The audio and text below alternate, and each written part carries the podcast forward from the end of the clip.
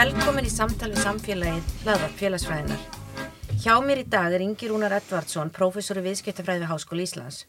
Ingi Rúnar er félagsfræðingur af ment en hann lög doktorsprófi félagsfræði frá Háskólanum í Lundi árið 1992. Áður en að hann kom til Háskóla Íslands árið 2011 var hann lektor, dósend og prófessor í viðskiptafræði við Háskólan á Akureyri. Rannsóknir Inga Rúnarst hengjast meðal annars tekkingastjórnun í íslenskum fyrirtækjum útvistun í íslensku þjónustufyrirtækjum og háskóla utan stórborga og áhrif þeirra á nærliggjandi efnagslíf og samfélag. Ingi Rúnar hefur byrt fjöldan allan af fræðigreinum í alþjóðlegum rétrindum tímaritum sem á bókakafla.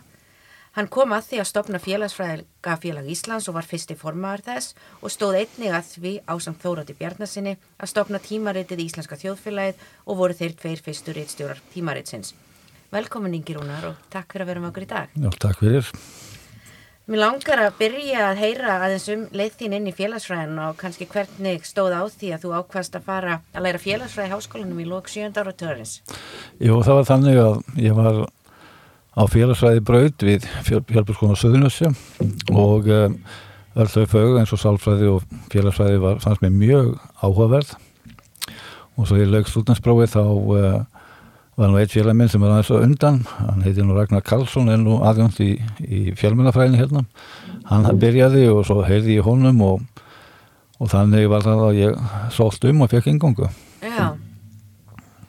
Og það var nú líklega margt breyst í háskólanum og kannski félagsfræðinni og félagsvísast deilt síðan þú varst við nám. Og hvernig var að stunda nám við hái á þessum tíma þegar greinin var kannski svona frekar nýju ómótið hér á landi? Það var ansi ólítið sem nú er í dag Í fyrsta leið þá var þetta þjófélagsfræði, þar sem var félagsfræði, stjórnmánsfræði og mannfræði var kent mikið til saman grunnurinn og þá var félagsfræðin stæsti að þessum hlutum og í hverjum árgangi var cirka 30 manns mm. og af þessum hópi er nú gaman revið, það voru til dæmis hérna Ingólfar Gíslason, Guðbjörg Linda, uh, Helgi Gunnarsson unnandi skaftadólti sem allir eru núna uh, kennarar við háskólan ásand mörgum öðrum en þetta var mjög skemmtilegu tími. Mm. og helstu kennara þá voru náttúrulega Óla Ragnar Grímsson Þorberg Broddarsson uh, Erlendur Haraldsson og einnig hann hérna Haraldur Ólafsson í, í mannfræðinni. Og þetta voru alltaf saman mjög skemmtilegu kennara. Og sér á þessum tíma er náttúrulega engin kona að kenna við félagsýndarfundum Kona þegar ég fyrir 20 árið nei, nei, en það var mjög gaman að á, tíma, á þessum tíma þá er að koma inn nýju kennarar. Meðan að Ólafur Harðarsson Stefán Ólafsson uh, Þólan og Þólur sem er ný byrjaður og, og hún hérna uh, hún kemur líka hérna hún Sigriður Dúna á þessum tíma sem við erum að byrja svona og og svo gaman að, að hugsa til þess hvað tíminn flottur líðan og allir þessir einstaklega komur eftir Já, það er eiginlega alveg ótrúlegt. En þarna var náttúrulega ekkert yngar glærur, það var, var hver og einn að glósa fyrir sig og þeir voru mjög vinsæli sem voru mjög góður að glósa. Og það var mikið sóft eftir góðum glósum Já, þannig að skipst á ef eitthvað sérlega góður. Já, já. Og um, síðan var náttúrulega bara svip eins og erum mikið um skrifli verkefni og, og lokapróf. En kjenslan fór að mestu liti fram í lögbergi því Oldi var ekki reyðsum þannig tíma. Yeah. það er langt um liði sko. Yeah. þannig að ég man að þegar maður kom heim erlendis frá og sá Olda hvað var mikið framför fyrir félagsvísindin á Íslandi. Já, nákvæmlega. Og leiðin hjá þér likur svo til Svíþjóðar. Já. Og hvernig svona kemur það til og svona kannski að ég mun ákveða að fara í doktorsnám held ég sé alltaf stóra ákveðun og kannski sérstaklega þeir voru ekki kannski svo margi sem voru doktorar í félagsfræði Sko málið hjá mér að ég hafði mjög gaman af náminu hérna og gekk mjög vel og mér langaði að, að menta mig frekar og þá var ekkert meistarnám á Íslandi mm. hvað þá doktorsnám. Og eh, ég byrjaði að fara í meistarnám ég sótt um meistarnám og sótt um í Þýskalandi sótt um í Oslo og í Lundi og með minni að ég hef ekki komist inn í Þísklandi það var held ég vandlamál með húsnað í Oslo en með aftur Þorberg Bróðarssona sem hafði verið í Lundi þá, þá skrifa hann fyrir mig bref og ég sendi bara með hérna uh, próskistin minn og það var nótt þess að komast inn mm.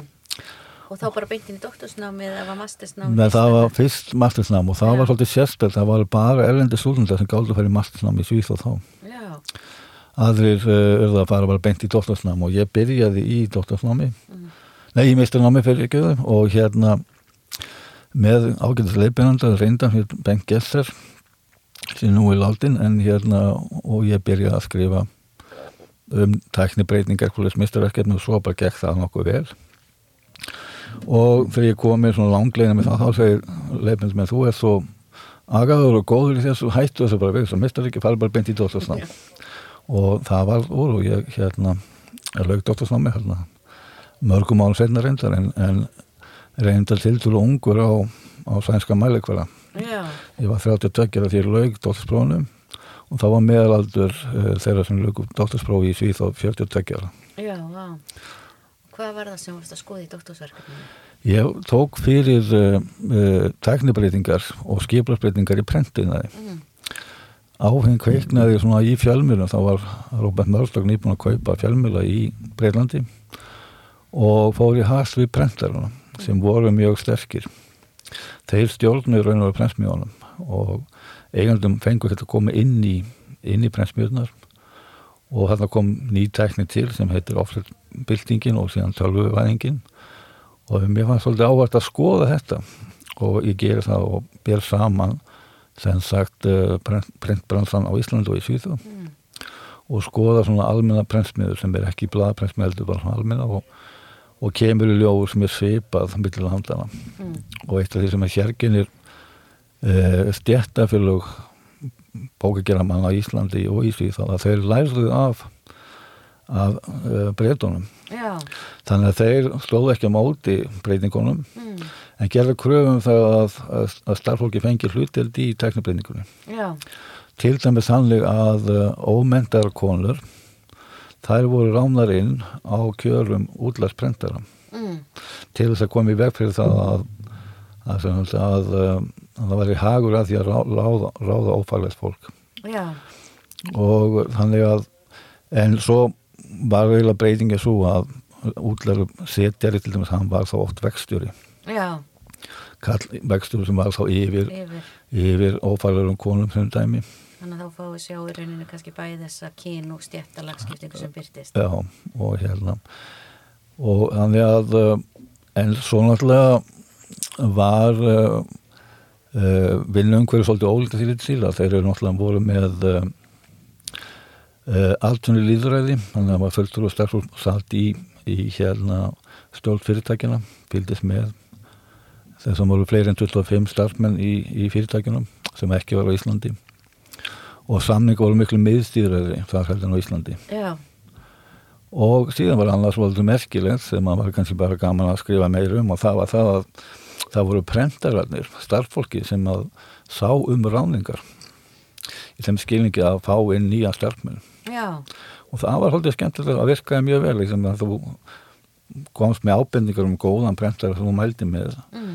sem þú taldir að myndi henda vel inn í, inn í umhverfi og það þar með bastu svolítið ábyrða viðkomandi. Já, og þú vildir ekki þá að viðkomandi væri slæmur eða þannig að það var svolítið merkjöld að upplifa þetta. Já. Og það er svona kannski einhver leiti þessu tengt en þú hefur nú sérstaklega verið að skoða efnahagsmálu vinnumarkað í þínum rannsóknum og svona kannski að geti sagt mér aðeins hvaðan það áhugi kom og kannski líka svona oft eru kannski að hugsa félagsræðin hefur ekkert með efnahagsmál eða vinnumarkað að gera, þú veist, af hverju félagsræðilega sjónarornið mikilvægt til að skilja efnahagslífið og vinnumarkaðin. Sko, má segja eins og ég skrifað um í bókinum um, upp á Íslandskar félagsfræði sem að þeir reytur Helgi Gunnlaus og, og Þóróldur að þá voru uh, uppáðsmenn uh, félagsfræðina bæði Max, hann skrifa mikið um vinnuna og vinnuna í kapitalismónum og fyrringuna. Uh, við byrjum alltaf um náðavaldið og, og hérna reglu eh, hvað er kallað hérna regluveldi, já. af regluveldið og þeim hef og síðan alltaf durka með verkaskipninguna Já, og mechanical solid, solidarity og síðra tíma félagsnækar hafa fyllt þessu eftir en fjallað því hann kannski eftir stríð mikið um atvinnleysi, þróum vinnumarkaðar til dæmis uh, ólíka hóp á vinnumarkaði, faglar og ófaglir uh, erlendir aðlar sem lenda þá oft í lálunastörfum líka um teknobreitingar og, og síðan um hagsmunaðila og, og, og stopnanir á vinnumarkaði.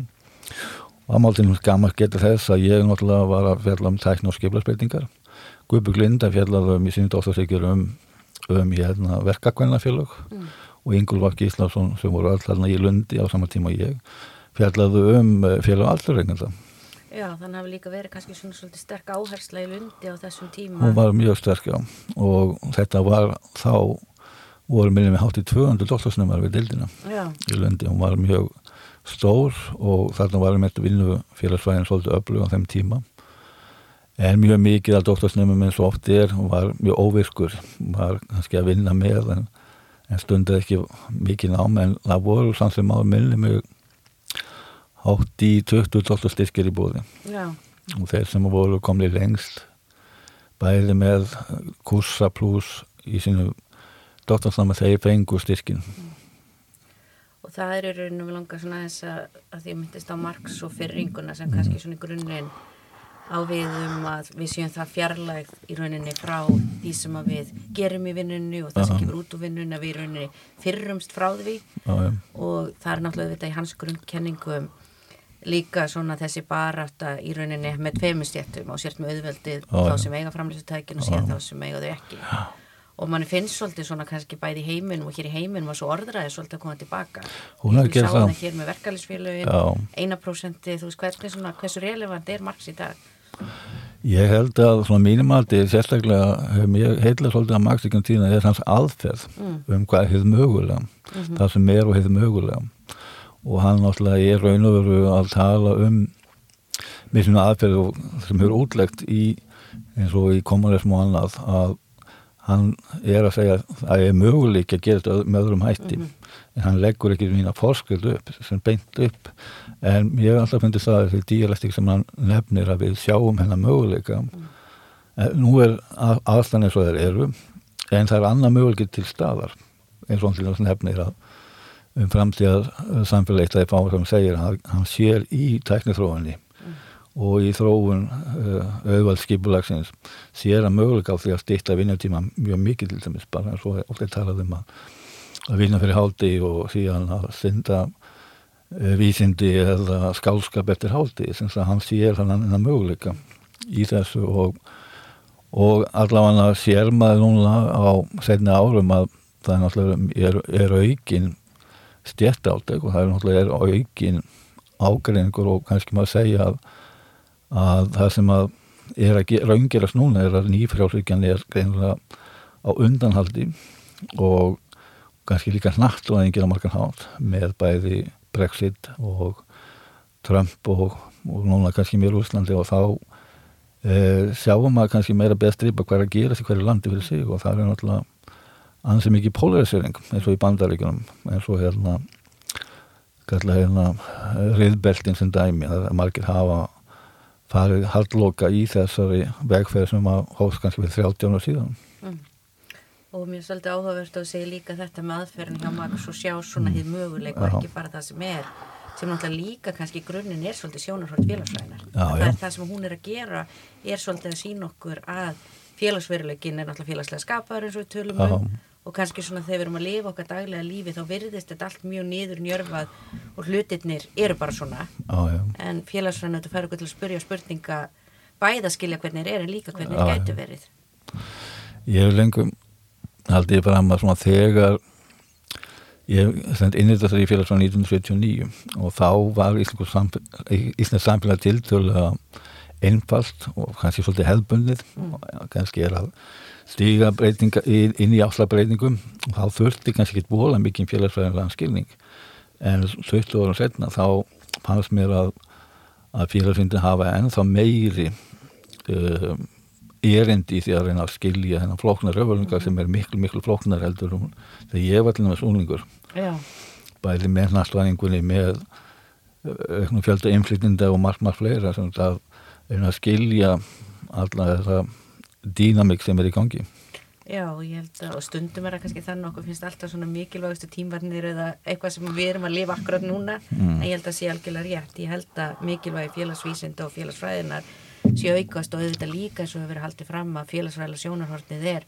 sérstaklega mikilvægt á tímu stóra samfélagsleira breytinga Já. þegar við erum að sjá einhvern veginn bara hlutina og eins og við sjáum bara til þessi COVID þegar það er mjög margt sem félagsfræðingar vita allt í einu raungerist fyrir almenning. Já, já, einmitt, einmitt. Það er alveg satt og, og með svona skindilega breytingar, fjármála kreppur eða, eða eins og bara eins og segir sko að hérna ég var nú nýlega búin að skrifa grein um kreppurna sko. Já. og það var svona sapgrein eða litteratur í EBU og hérna það fór við gegnum 54 greinar og það var svona temur sem voru efnaðskreppur mm. Það er svona heilsufarsstengdar eða fars, farsóttir.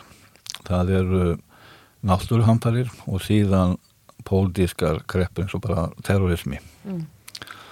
og það var svolítið merkild að sjá sko, við vorum að skoða okkur hvernig eru við yfir þá aðlega sem að finna starfsmannamálum yeah. við þessum kreppum.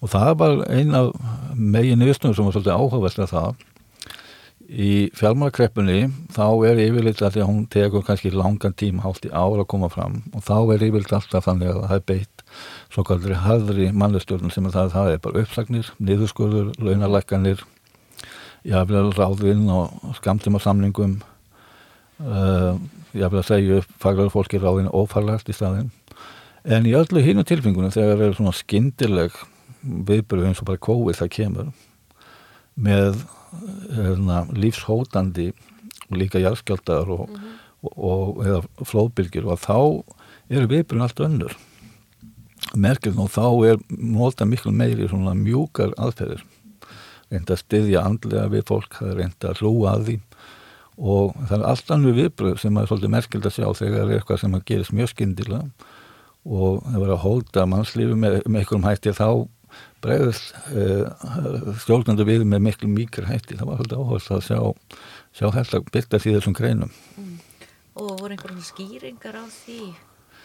Það var svona mín uh, tilgaldið okkar og að það að í raun og veru í efnaðsrunni það fara allir fjármjölu ríkisins í að endur þessa bankana mm. en eins og bara í COVID þá náttúrulega fer þessi fjármjölunir í það að halda fyrirtækjum gangandi eða halda ánfram ráningarsambandi við fólk og reyna að styðja það með um hætti það var svona einn af þeim skýringu sem við setjum fram í þessari grein. Já, maður veldi fyrir sér svona kannski tengt sem að segja að kannski efnahagskreppar einhverju leiti séðar þá að þrengri hátt að þú veist þetta er efnahagskreppa, það er eitthvað að þar og þá þurfum að finna lustundar í efnahagskerfunu sjálfu. Já, en þegar eitthvað eins og COVID kemur þá er það samfélag, þetta er félagsleg kreppa þetta er samfélagsleg kreppa. Og þá kannski fyrir við líka að hugsa breyðari lustnur um hvernig samfélag við viljum hafa. Ég meit og, og líka bara á það með flóðbylgjur og annað, allt bara allt er undirlagt eða eins og bara uh, sprengingarnir í Oslo á sínum tíma þá var náttúrulega allt í raun og veru í, í öngþveit og ekki síst bara menningin eða það verður svona verður svona varnarmekanismi sko, sem fer í ganga Já, svona einn kannski hlutin með félagsfræðina er að hún alltaf kemur inn á svo mörg svið þjóðlífsins og hvað við erum að gera þannig að við sjáum það til dæmis bara í hvar félagsfræðingar eru dreifðir út um háskólakerfið með stöður og slíkt og þú hefur verið fyrst og fremst í viðskiptafræðildum.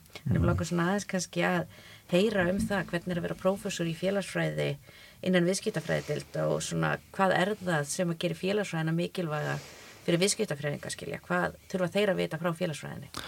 Sko, mér var, ég reyðast til Háskóns og Akureyri 1997 það er þá staldra við fimm ár við að skrifa sögu prentlistar í Íslandi í Íslandi og síðan sögu félagsbókakeramanna en á þeim tíma var náttúrulega ekki margar stöður í bóði og það var losnað hérna staða við Háskólan Akureyri. Ég hefði reynda að kenta sem stundakennari. Stefán Ólafsson hafi verið að kenna þar og baði mér taka við sem var að kenna það vinnufélagsvæði mm. það var að kenna hérna líka sem stundakennari. Og ég er ráðininn og mér var afskaplega vel tekið að ég var þá fyrsti uh, kennari með doktorspróf mm. og hafði reynslaði að skrifa greinar. Já, og, um, og það er mjög algengt ef maður lítið til Breitlands og fleiri landa að félagsvængar og félagsvindu fólki er að kenna sérstaklega eins og stjórnun mm. uh, starfsmannamál og ekki sér skipularsfræði og aðferðarfræði þetta er mjög algengt þú sjáir og það er bara því aðferðarfræði kunnallan er mikil hjá sérstaklega félagsvængum og skipularsfræði náttúrulega á uppspilna sinn til VBS að miklu leiti og þannig að þetta fellur mig vel og þetta er náttúrulega eins og í mínu námi þá þekkt ég mikið til allir þessu hugdöku og annað þó að þessi annað anna sjónarhóll mhm, kannski félagsvæðin lítur meira kannski á heildar uh, sveipin ekki síst á starffólki þegar kannski stjórnum þá meira stjórnenda sínin en þetta fjall mjög vel saman og, og þið segir þetta er mjög algengt að félagsfólk komi inn í þessi svona stjórnunatengdu fög og skiplarsvæði í það fyrir stefnumóldin og þetta er gaman sem að geta þess að hérna við Háskóli Íslands í Vískitafræðinni það er til dæmis svo Gilvi Dalman, hann er, kemur á stjórnarfræðinni eins og áliðja 80's já, sem var nú að vinna góðan sigur með framsók að hún er, kemur líka úr stjórnarfræðinni. Já. Og það er auðvitað líka kannski sem við erum að sjá svona sem almenna þróun sem er náttúrulega þessi þvarkfægleiki og, og sem kemur aftur á hann sem þú ert að segja á þann með bara heimilinu og svo flókin að það er kannski ekki einhver ein grein eða ein sjónarhort sem er að fara að leysa þessi flóknu vandamála áskorana sem við stöndum frammi fyrir. En svo er líka vískitafræði, sko, hún er samsett úr svona ólgum áttum þetta Já. er sabgrein, þú ert með fjármál þú ert með markarsfræði þú ert með stjórnun uh, og, og hérna, ég vel endurskoðun líka, þannig að þetta eru ólíka greina sem að eru undir regli vískitafræðinar Já, og ef við svo kannski færum okkur aðeins yfir í að tala um rannsóknir þínar og svona kannski þessi stóru svið sem að þú hefur verið að sinna þá er eitt af því þekkingastjórnun í íslenskum fyrirtækjum og bara svona kannski til að byrja hvað er átt við með þekkingastjórnun og svona hvað er það sem hefur verið að skoða tengt henni? Sko, þekkingarstjórnin er raun og veru að að búa til einhverja stefnið að móta hvernig þekkingin flæður um fyrirtækin og þá er það talað um fyrstulega reyna að móta nýja, nýja þekkingu. Það er mikilvægt að líka skrá hana niður með einhverjum hætti að kerfisbindana, hún sér til að finna hana aftur, hún týnist ekki eins og oft gerist í fyrirtækjum. Og svo ekki sísta miðlina milla að, að hún ekki setu á þekkingunni og það er náttúrulega alkunna að margir líti á þekkingu sem vald og vil ekki dreifinni. Og þá er mjög mikilvægt að búa til menningu til þess að, að miðla þekkingu komin áfram og þetta er oft gert til þess að reyna að nýta þessa þekkingu, nýja þekkingu annað, það getur komið fram í nýsköpun. Það getur komið fram í e, meiri framleginni eða betri gæðum eitthvað þeim dúr, það, það er svona eðli þessara fræða. Og ég hef verið að rannsaka þetta hérna á, á landi með að uh, senda spurningalista á fyrirtæki. Og ég skrifa hann á bók um þetta Já, árið 2004 þar sem að tekið saman helstu þættinir en, en niðurstu þessari kannuna sem ég gerði það var mjög svipað eins og elendis að þeir sem að eru að ástunda þekkingastjórnunum einhverjum hætti þeir telja þetta lýsir í því að starffólki líður betur það er minni starfmennavelta það er aukin gæði á þjónustu og fleira saman dúr og, og það telja sig að geta aukið hagnað eða, eða minga kostn og svo frá með þess það er svona helstu niðurstöðunar í þessu hér á landi sem annars staðar. já, þannig að það er svona ekki mikil breytileiki virðist vera á milli þjóðfélaga varðandi að þetta sé almennt bara eitthvað svona sem að er mikilvægt að hafa innan fyrirtæki og skilar góðum árangri og eins og þetta segja Já, meira ánægum meðal starfsfólks. Ég, já, og síðan náttúrulega hef ég alla tíð sko að því að þegar ég byrja í háskólanum Akureyri þá lakka ég til og segi bara bá, nú gaman að fá rannsóknar í íslensku fyrirtækjum. Og svo bara spyr ég kollegana og þá er bara ekki neitt til. Já, nefn alltaf 200 stærstu fyrirtækin Mm. og það mikið til í meistarverkefnum. Þannig að mér fannst það nú ekki nógu gott að ég hef búin að kanna mjög margt þekkingastjórnun, stefnmóldum fyrirtækja útvistun, en þá hef ég alltaf lagt upp með að vera með lítil og meðastór og stór fyrirtæki og bara Já. hafa þörskulinn og það sem að kemur fram í öllu þessu var bæði vanandi stefnu fyrirtækja uh, þekkingastjórnun, útvistun að þá er að þannig að minnstu fyrirtækin gera lítið sem ekkert að þessu, þau eru stefnu laus meira og minna þegar stærri fyrirtækin eru miklu stefnufastari og eru búin að tilinga sér svona heldur nýjingar í viðskiptafræðinni. Mm. Og eru þá svona kannski svipaða stefnur eða einhver svona ráðandi stefna sem fyrirtækin virðast vera að fylgja eða er munur þar á milli?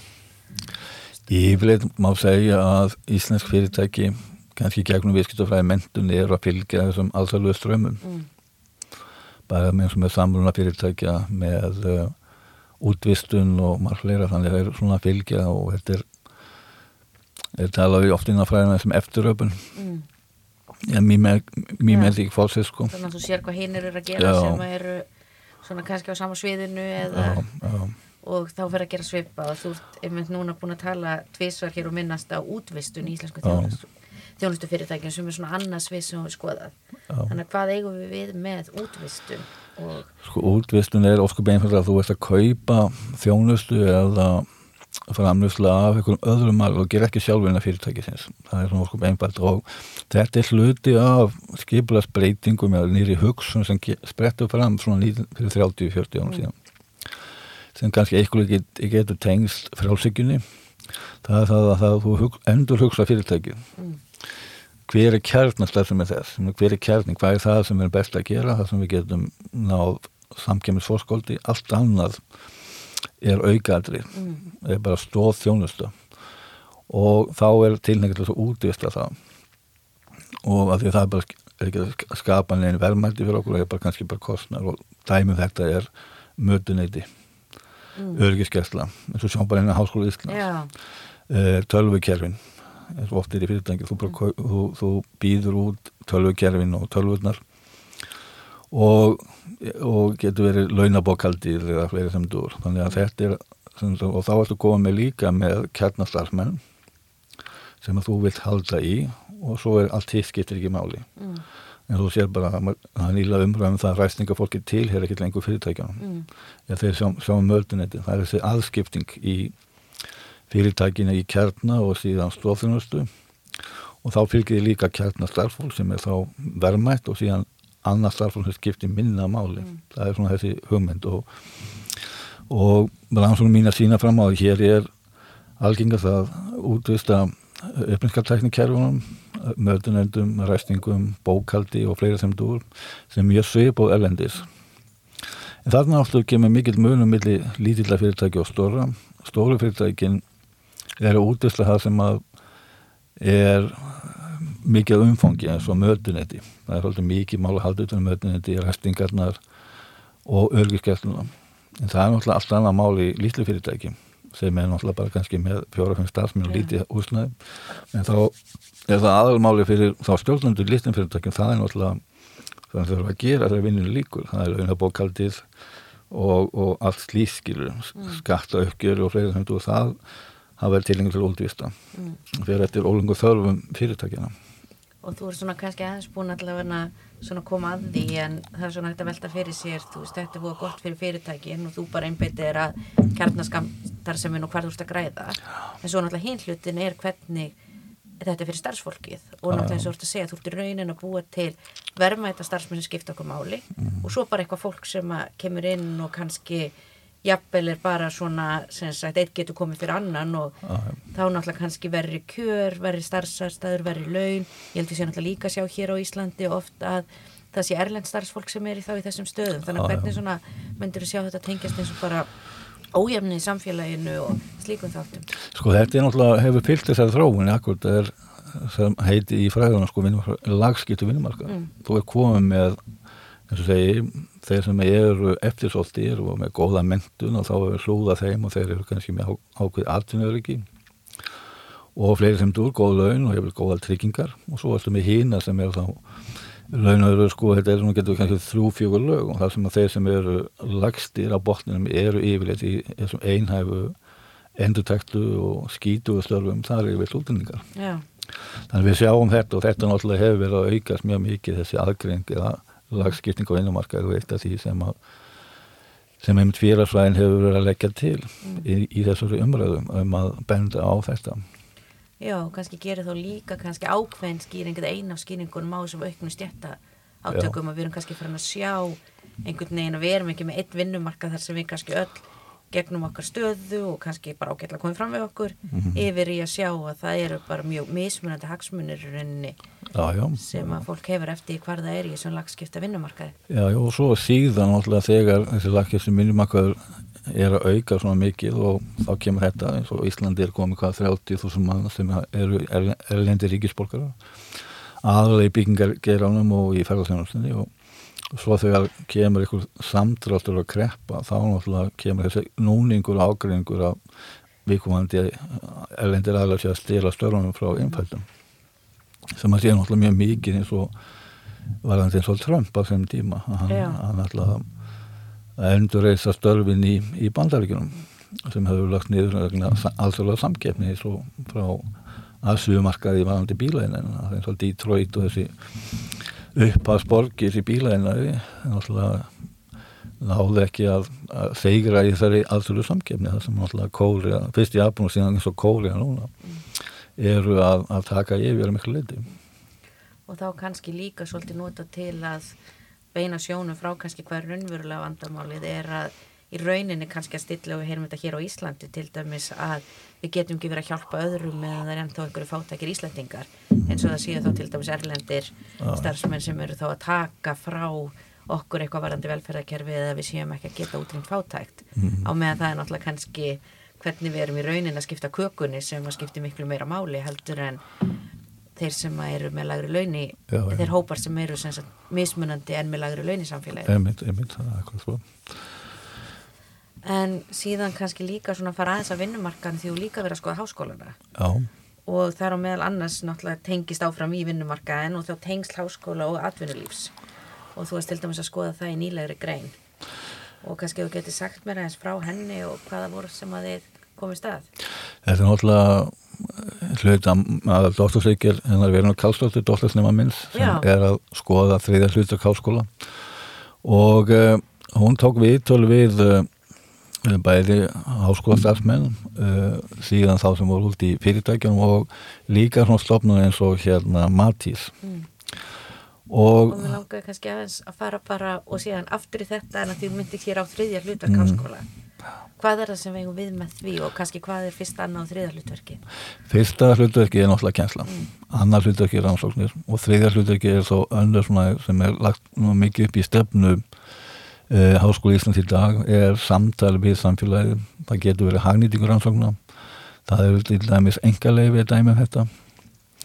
Það eru að halda fyrirlestra í fjálmjölum til dæmis og uh, hvað getur nefnt fleira, það er jójó bara alls konar svona hagnýting rannsóknarverkefna þáttaka í, í samfélagin til dæmis þáttaka í stefnumóldun fyrir ofnbjörðaðal og fleiri sem þú það er kallað þetta þriðja hlutverk. Og það þá líka er svona svolítil breyting og það er kannski ekki það er langt síðan ég var í námi en þá náttúrulega var ofta náttúrulega að tala um fílabinsturnin og ég man alveg eftir að hafa verið í námi sko að bara þú ættir alls ekki að tala um fjölmila þú ættir ekki að vera í stjórnmálum eða stefnumótun heldur áttur einhvern veginn að vera í þessu reyna akademiska hlutverki. En ég held að það sé alveg sem að sjá það miklu meiri kröfur á að eigum, það sem við erum að gera hér eigi að skipta einhverju mál út í samfélaginu og stærra samhengi einmitt, einmitt.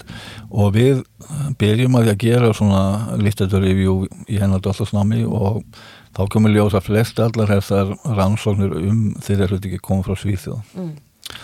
og það var mikið til bara að vera að hugsa um hagnýtningu vísindana, um enga leifin og fyrir miklu minna eins og um stefnumótunni eða fræðslu fyrir almenningi eða þáttaka í fjölmjölum og fleiri þendur og þetta voru alls saman raunvísindagreinar sem um að fjalla. Raunvísindin og, og læknavísind og fleiri þendur en náttúrulega ekkert fjallað um hug eða félagsvísindi í þessum greinum. Og það er svona mikið sóknarfæri fyrir félagsvísindin held ég að efla sig á þessu sviði. Mm. Það var sem fyrsta greinin sem að við byrjum saman síðan. Setni greinin það var með tengsl aldunís og háskóla.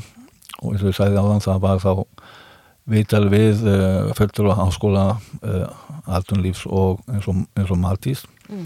og þá kemur fram að þessi sérkenni Íslands það er þessi skamtíma hugsun Mm. og allt byggir meira og minna á persónulega tengslu Mm. og dæmi með þessi tengsli það er að fá einn fullur á aldurlífi inn í stundakenslu Mm. fá það kannski inn í doktorsnáfsnefndir eða þá að taka þátt í Evrópuverkefnum eða svona alþjóðuverkefnum en það sem að engjandi þetta var mjög mikið til þess þegar Evrópuverkefni eða rannsóknverkefni stóru voru, voru liðin eða bara peningarnir hörfum þá hvaru samstarfi mm. það var engin akkur í því að halda áfram sem dæmi um akkur þessi svona skamdíma sín mm. sem við ekki miklu leiti til bara íslenska hugsunahásvaldi mikið og líka bara hvað er lítið eh, hvað fyrirtæki og háskóla í Íslandi eru litlir og, og lítið fjö til rannsóknar Já, hann er svolítið svona ég þekk einhvern sem er í þessu fyrirtæki Já. og þá kemur hann eða hún inn og kennir hjá mér eða fyrir á einhvern styrk. Já. en svona ef við kannski tökum þetta út frá í heldum mitt það er svona eitt sem að já, ég ætla að ég upplifi stundum í Ísleika samfélag það er svolítið skamtíma og þetta er náttúrulega eins og ég segi öllum minn útlensku vinum að þú veist við lifum náttúrulega eftir bara þetta reddast. En ef við hugsaum síðan þá hvernig lítið þetta út ef við væri með langtíma hugsun Ég myndi halda það sérstaklega eins og með náð í stóran Europastyrka þá myndi það vera akkur af tengslaniti heldur ámfram mm. og gæti þá epsi til lengri tíma með því að sæki fleiri verkefni eða útbyrka samstarfi. Mm. Það myndi vera þá endilega fyrir bæði fyrirtæki og háskóla uh, mikilvægt að, að halda ja, þær þekkingu lifandi sem myndi þá skila af sig til dæmis fleiri doktorsnefendum og og uh, myndi skila fyrirtækjum vandala mjög mikilvægt þekkingu til nýsköpun og fleiri sem þú mm. Og þú myndist á að svona kannski félags- og hugvísindir við ættum mikið að sóknarfærum. Já, ég held það. Stundum svolítið er að hugsa hvað nákvæmlega er það? Hvað getum við gert, þú veist því það er ofta líka þessi hugsun svolítið ríkjandi að nú er ég búin að búið til tæki. Mm. og það er úrslega praktist og það er úrslega gott og það er hagnýting En hvað er það sem við höfum fram að færa? Ég er bara eitt dæmi sem ég nefni bara um kannski akkur þetta sem hann hérna, eitt kollegi minn sem var að vinna hjá Alþjóðbankanum uh, prófsófi Hálskólan Akuri og hann nefndi þessum dæmi, hann var í Ríka og hann sagði bara að það hefði verið mjög mikið framlag Íslands til nýra smáþjóða að mm. kenna þeim hvernig að reka stjórnsýslu mm í svona litlu landi Já. sem höfðu verið þá undir Sovjetirkinum áður og það, það er hægt að eins og við erum að gera oft í, í þróunamálum með eins og mannfræðin og fleiri þeimdur það er verið að kenna ákveðina þekkingu eða, eða, eða reynslu og annað sem við getum verið að hangnýta okkur í meira mæli heldur en við gerum mikla. Já, nákvæmlega og mér langar svo aðeins að færa yfir í því að þú náttúrulega ert svona einn af þeim sem að kannski svona kemur að því að félagsfræðin já, verði svona sínileg og greina á Íslandi og við förum kannski svona að einhvern veginn vera með ákveðna sjálfsmynd sem félagsfræðingur og tengjast hvert öðru mm -hmm. og þar langar við að minna sérstaklega á að þú komst að stopnun félagsfræðingafélagsins og varst fyrsti formaður og myndi kannski segja mér aðeins frá bara hvernig kom það til að þið fóru að tala ykkur saman og nú þurfum við félag, við erum konað þann stað og af hverju skipti máli að hafa slikt félag? Það er, það var náttúrulega í, með að kollega sem að, þetta er náttúrulega og segi, þetta er náttúrulega mjög mikið þeim uh, kennar sem núna eru í Háskóli Ísland sem voru saman í, í náma sínum tíma og, og oft er við hýttum þá komið þessu umræðu upp við þyrstum ykkur vettang til þess að því að stjórnarfræðingar voru búin að gera þetta og voru með mjög öflega félag og mannfræðingar minni mig líka að, að við töldum mjög mikilvægt að við erum með fagfélag. Það er náttúrulega stjættafélagið er náttúrulega var búið að stopna mm.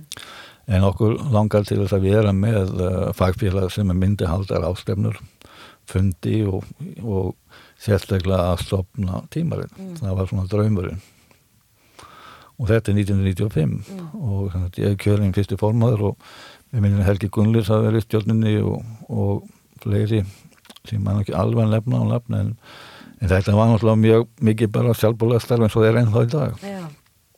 en við heldum úr svona fréttabrifi og til að byrja með og heldum fundi og, og hérna og svona reyndi að koma að þessa stað en, og þá strax var draumur um að reyna að stofna tímarétt en það tók nú fimm ár að koma því í gagnið Já, viltu kannski segja mér eins frá því hvernig það kom til og svona fyrstu árunni sem þið voru reittstjórar til Þóruldur? Það kom til að því að við, við svona, það var mikið búin ræðið innan félagsins og svo voru við þólaður eitthvað að, að tala um þetta við fleiri kollega fyrir Norðan svo Kjellin Ólarsson og hérna og, og fleiri þar fyrir Norðan uh, Herman Óskarsson sem að þá er félagsfængur líka. Og um, og við hérna bara komið það hugmynd, við skulum bara byrja, setja í gang tímaleg og við lístýrum hérna frá Akureyri og svo tekur þá Háskóli Íslands við kefnum þetta nokkur ál, það var svona hugmyndin og, og við höfum þetta þannig við tókum þá staðla sem að gildi við Íslands tímaritt og eins bara varandi skópur, hvað þau var uppfylla. Og við stofnum tímaritt með það í huga eins og til þess að að reyðstjórnir þurfa að mentar á þessu sviði. Það þurfa að vera greinar frá fleirin einni deil og uh, það þarf að vera svolítið breytt í þessu og við tókum mér þessu öllu saman. Og og hérna og eina sem við, við fengum bara eftir fyrsta árið tíu stíg mm. eina sem okkur vantaði þá er raun og veru útgáfið þrjú að fimm ár mm. og þannig að þá er eina sem vantaði það hefur eftir þá að uppgreita alltaf yfir í 15 stíg en það mm. var aldrei úr sko. Já og svo kannski svona lókum þá langar við aðeins að heyrum hvað það er sem helst að vekja áhuga þinn þessa stundin og hvað kannski þú ert að skoða núna og ef það er einhver viðfangsefni sem að þið langar að fara að velta meira fyrir eða svona halda áhuga með? Ég er náttúrulega alltaf að gera eitthvað nýtt sko. Það sem enginn fyrir minni sem að, ég held að enginn oft þá sem að byrja í listum háskólum. Það er sér það er svo mikið fjölbreytni. Og fyrirsvæðin er þannig að maður getur tekist á við mjög mörg ólík viðfangsefni. Mm. Til dæmis fyrst sem ég kem til háskónans á Akkurið þá er ég byggðin að vera fulltrú í háskónans í, í norðannu samstarfi og skosku um byggðafrón mm. Og ég var riðstjóri fyrstu byggðaáallina sem var samin fyrir auðvitaðan byggðarstofn á sínum tíma Já. þannig að bara eitt af þessum svona skemmtilega sem að maður færi upp í fangið Já. og það var svolítið gaman að við önum þetta margir hérna við háskónans á Akkurið þá kemur fyrst í uh, í senni í byggðaváslunum menning mm. fjölmjölar og mentun um landið en núna er ég sem sagt í tveimur alþjóðum verkefnum sem er mjög spennandi annars vegar um starfshönnun eða Global Work Design það sem eru 40 lönd að skoða hvaða þætti skipta mest máli fyrir sérfræðinga mm. sem sagt er það sjálfstæði starfi eða þekkingin eða vinnuumhverfið mm. og við svöfnum gögnum meðal hjókunarfræðinga stjórnenda og verkfræðinga Já. og við erum búin að byrja alltaf greinir upp á íslensku, bara um okkar hluta en síðan er bara býðið eftir að sjá heilda myndina og það gerist bara núna næstu vikum Já, hvað kom út úr þessar á Íslandi? Það er raun og veru að það er svona flestir þessi hópar eru svipaðir með það að það er sjálfstæði í starfi og þekkingi sem skiptir þess að sérfræðinga mestu máli Já. Og síðan er hittverkin sem er ekki síður spennandi það er heiti Globe 2020 mm. og það eru 140 land Já. sem er með öll land sem eru skráð á við saman þjónam og það er þessi tengsmilli þjóðmenningar og stjórnarhátt eða stjórnarstíls hvernig og, og eins með tröst í samfélaginu mm. og tröstmilli hópa, það er mjög áhugavert og það er líka að koma fyrstu niðurstöður fram í því. Mm. þannig að næstu mánuði mantælega vel ég á kollegum mínum að, að skrifa kabla varandi Ísland í þessum rannsónverkefnum sem eru askabla spennandi. Já, þannig að það er greinilega margt og nægilegt framundan þannig að bara kæra þakki fyrir að vera með okkur í dag. Kæra þakki fyrir mig. Og takk fyrir að hlusta